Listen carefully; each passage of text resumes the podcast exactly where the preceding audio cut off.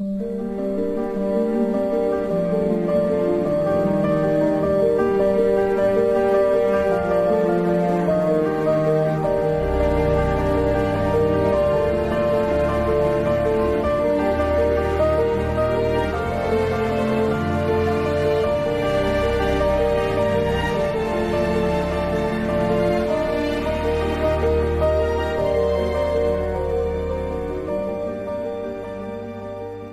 Goeienaand en welkom weer eens by Vers en Klank.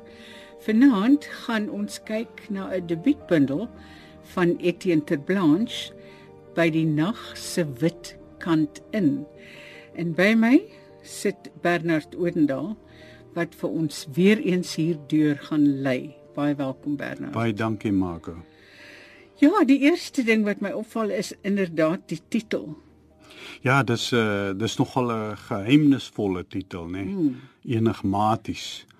Nou ja, hy help ons daaraan uh, deurdat een van die gedigte uit die eerste afdeling uh heel spesifiek iets oor hierdie titel sê.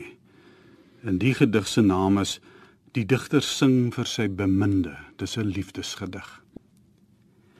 Jou soet klein naaltjie en bildborsies nooi my. Ons vlieg nou oor die grasperk met die vars snyreuk en sien dit is nog groenerig onder die blou nag. Ons vlieg deur die land van melk en heuning en heuning en room in flesse op die spense rak. En my lied word solied en dis heuning room. Deur 'n golf, deur 'n gang, deur die maan se ronde deur gaan ons verder en verder by die nag se wit kant in. Beland sommer in 'n woud waar dit hoeka beef soos dit leef. Vlieg soos een mens oor die grommende wit blok in die halfdonker kombuis. En die perskes in die stroop is 'n sonsondergang. Ons swem verder en sien ons bolletjie sonseën in sy hemelligte kot botterkrulle, liewe ooglid mane. Ons sien hy sit en speel onder 'n dadelboom.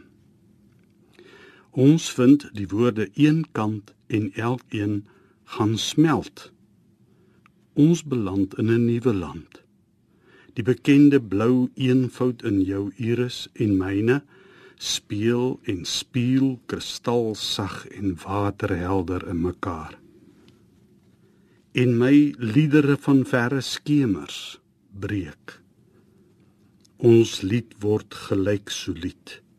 Ons vloei en rol. Die warm melkperd gaan net nou stol. Ons oorvol woorde laat ons verbygaan. Ons dans, pens en poetjies, so onder om en deur die maan. Daar is dus donkerte sien ons, nê? Uh, maar daar's 'n wit kant ook. Ja. Dis nag en hy skryf ook oor donker dinge in die bundel. Hy skram nie daarvan weg nie. Omgewingsbesoedeling byvoorbeeld of die bedreiging van Afrikaans, uh, die verknorsing waarin Afrikaners hulle voel byvoorbeeld, uh, die geweld in ons land. Sulke dinge. Maar die blik op die wêreld en die lewe wat wat hy bied in hierdie gedigte is eerder 'n liefderyke blik, 'n 'n betreklik optimistiese kyk na sake. Die fokus val dus op die wit kante van die nag as ek nou die titel so mag inspann. Die ja. begin en die einde van die nag. Dis reg. Beginne word baie keer beklemtoon. Byvoorbeeld kyk na die slot van die pragtige gloed. As jy dit vir ons sal lees, Margo. Ek kom huis toe na heerlike sinne langs die palmietwater met my beminde. Uit die hoogte het glans ibisse gekom. Hulle koppe lang, fyn kommas. In die vloeiende taanlig het swaakies gechir, chir, chir en heen en weer gesekel. Hier langs ons kaggel is die rooi gloed in die wynglas ook goed evolusionêr en my vingers vonkel 'n miljoen beginne. Eh, net eers dit sê oor hier jy weet wat daai interessante slot nê nee, in my vingers vonkel 'n miljoen beginne. Nee. Toe ja. Ja. ja. belofteryk, nê, nee, is die woord wat daar is. Daar's nuwe moontlikhede vir die lewe en vir die liefde en ook deur die digkuns byvoorbeeld. Is meer as eenmal in die bundel is daar so 'n strekking dat dit moontlik is om lewe nuut te maak deur die digkuns byvoorbeeld. Uh ander ding wat in hierdie gedig opval is die is sy natuurliefde. En uh nog so interessante natuurgedig is die volgende ene. Klein Olien studie. Die streperige bas krom met 'n draai. Reguit lote staan regop. Duisende druppels spikkel sprei elk met 'n olyfdonker kant en 'n sy silwer onderkant. Die stam arm uit die grond en hand geluidloos boontoe. Dit alles is maar net 'n long. Die olien doen net mooi niks. Sap styg deur selle en mondjies, net die regte minerale en regte hoeveelhede water. Miskien is hy bly om met koolstof en son die groen te hou. Wortels sak met onmeetbare spoed elke dag 'n aksie dieper in die donker af.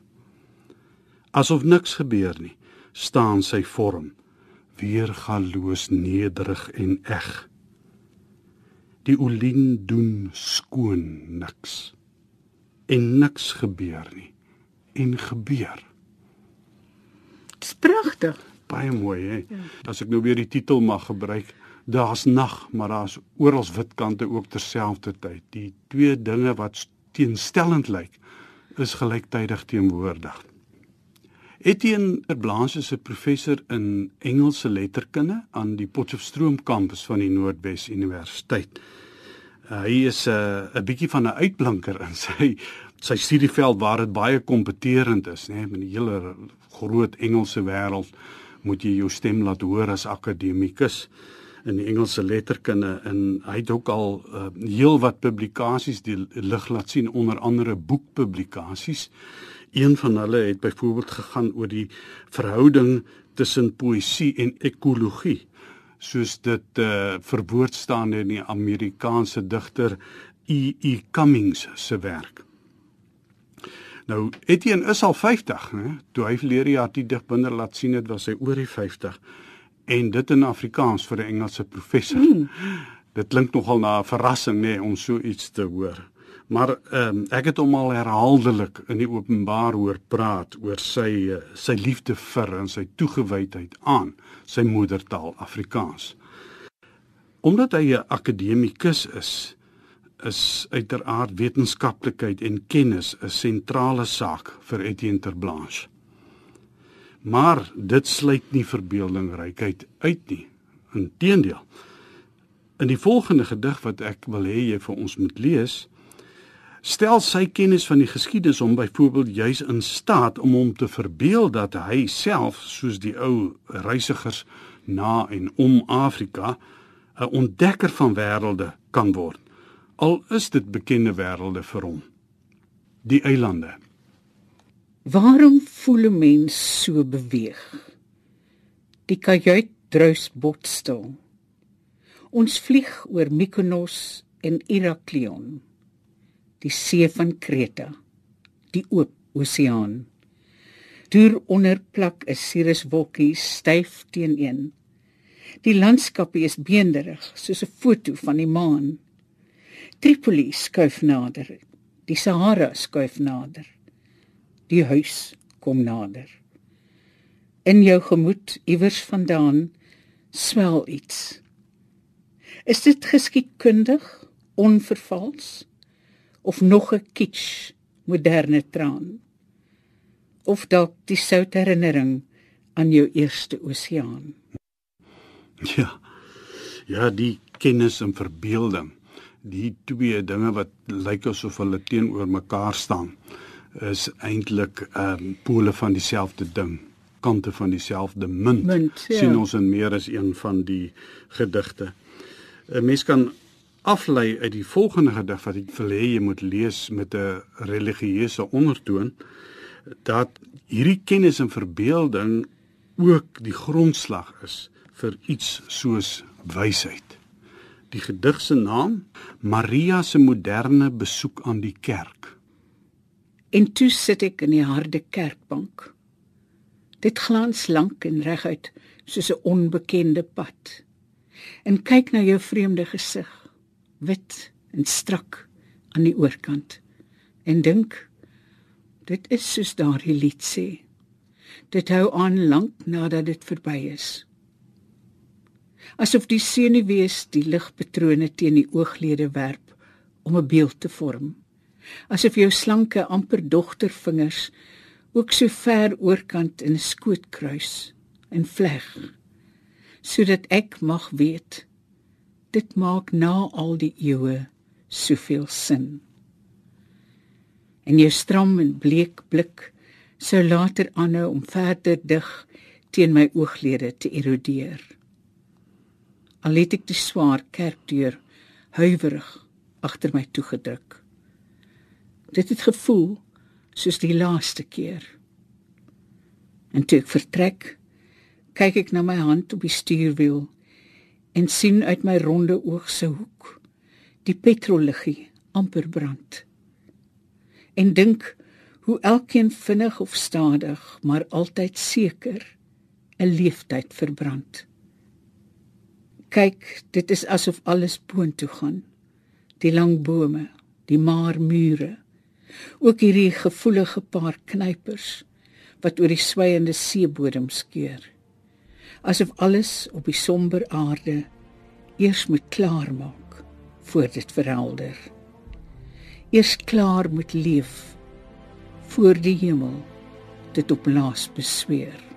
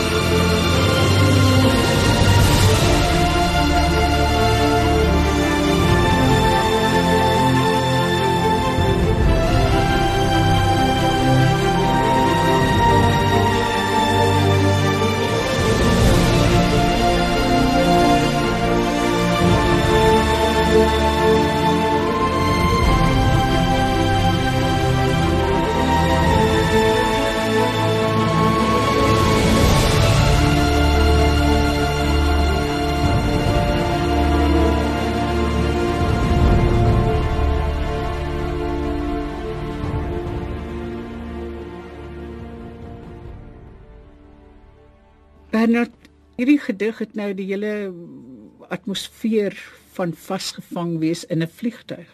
Ja. Op reis. Ja. Ja, die die die reistema kom oral in die digbundel voor want as akademikus uh, wat uh, navorsingsbesoeke bring en by kongresse moet gaan optree, moet Etienne Terblanche nou nogal reis oor see. En uh die reistema is eene wat nogal heel goed pas of aansluit by die motiewe van kennis en verbeelding wat ook in die digbundel so prominent is. Luister byvoorbeeld hoe sekere geuite uitdrukkings nuwe lewe kry wanneer die digter in 'n vliegtyg sit en dinge aan die binne en veral aan die buitekant van die vliegtyg belewe. In die wolke is die gedig se naam. Van hier is die geploegde land net skrapies op 'n oppervlak. Kierts oranje lyne is die plaaspaaie. Kierts oop en bloot syn hulle vir enige een wat uit die hoogte loer dat ons hier graag vorentoe boer. Hierdie wolke deur die venster is egter nie net oppervlakskrapies nie.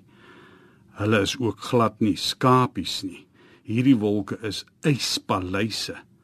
Die plafonne is onnodig lank. Soos die een of ander koning vlieg ek net nog 'n toerus met grasie oor 'n borreltapuit. Die vlugkelner lyk gewoond daaraan of dra hy 'n reismasker dat hy kan voortgaan om die drankie so koel, kalm en ooglopend ongeërg te bedien. Die kaptein waarsku nogal skor dat ons moontlik turbulensie sal ondervind. Maar al wat ek voel is hoe ek weggeraak in die suiwerste wit onder die son. Heeltemal weggeraak. Die wit teen die ruit, my oog vol en leeg. Al wat ek voel is 'n fraksie van die al. Ek het al genoem dat Etienne Terblanche as digter akademikus ook van sy ervarings van die negatiewe of donker kante van die lewe dat hy ook daaroor skryf dat hy daarvan 'n verantwoording doen. Byvoorbeeld die verskriklike en soms onthutsende aktualiteite van ons land, nê? Soos plaasaanvalle en die stigmatisering van afrikanerskap vir hom wat so sterk daarmee identifiseer. Hy sit nie net in die wolke nie om nou die gedig wat ons vroeër gelees het weer 'n bietjie aan te haal. Hy staan ook met sy voete stewig op die aarde. Ons gaan 'n paar gedigte lees wat dit demonstreer. Tand. Soos die woord hand te gou stuit op die tand, te gou die heerlik trillende n keer net so lê die dood nie en wag nie. Dit loop bloedsuiwer rond, argeloos, duiselend eerlik, ook in 'n sonnige goue pels. Vir die werklikheid moeg trek jy die pels aan. Verbeel jou jy mag oor die velde stap, oor die lyke trap. In die oggendure in huise op plase trap oor kinders se lyke op die vloer wat hulle speelplek was. En maak seker ons onthou hoe die woord hand te vroeg tot stilstand kom teen die tand. Afstand. Dit het die lang afstand geneem tot teen die tyd modern se blok om te besef dat die gestroopte knop en kurwes teen Pretoria se bult al die jare 'n moderne vorm hou. Toe ek later teen die geriep langs ry, kom haal woorde my een vir een. Woorde soos fluitjies riet kraal. 'n Fantastiese woord vol skerfies en rondings. Sy dans tussen tande en kieste voor sy tong langs daal. Toe skrik ek 'n bietjie asof 'n klein skoolklok in my geestesoor klink. Onwerklik spook 'n benepe vraagie toe. Kan 'n mens die woord nog openlik gebruik of is die naam se plek te naby aan Orania? Half bediest sien ek die groen wal toe al langs die barre vlakte strook. en pyn die begeerte om vrylik in my moedertaal te dig en verdig dig te word soos mis voor die son. Want hulle is die oorspronklike klanke. En wanneer jy behoorlik wil skryf gaan hulle jou weer kom haal vlie Vans lewens het my ouma die woord bayang gebruik.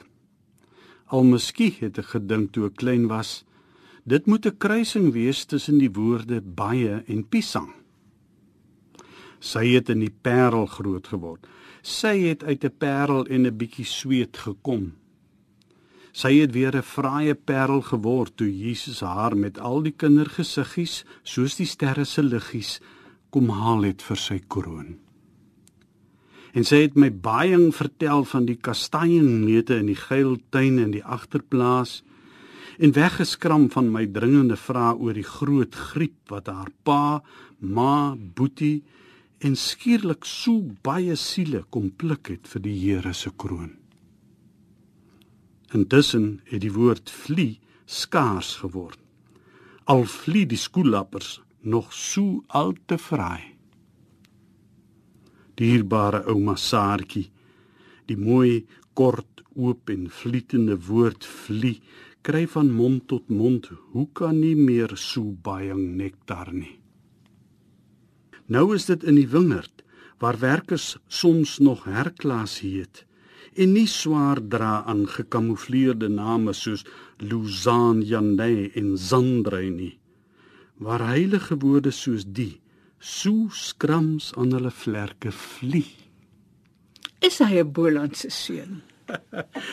nee nee, hy het groot geword uh in Lichtenburg se omgewing as ek korrek onthou. Ja. Deur 'n bietjie verder op in die ou Transvaal. En later het hulle verhuis na nader aan Potchefstroom, hy daar in die myn area Stilfontein ook 'n ruk gebly en toe uh, natuurlik gestudeer en so aan in Potchefstroom voordat hy 'n ruk onderwyser was op 'n paar plekke in die land uiteindelik weer op Potchefstroom beland as onderwyser en toe as akademikus.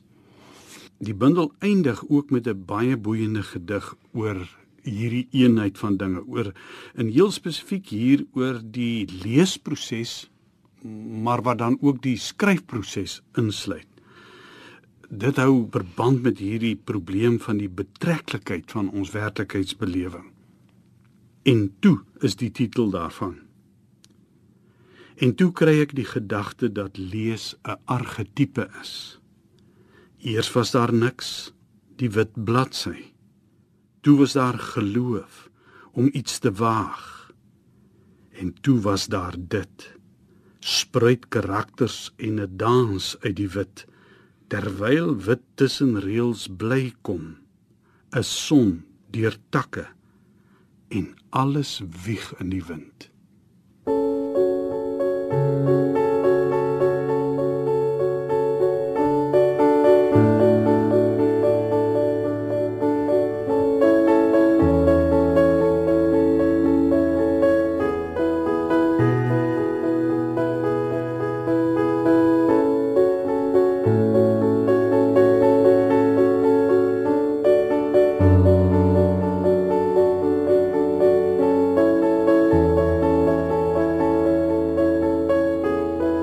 Música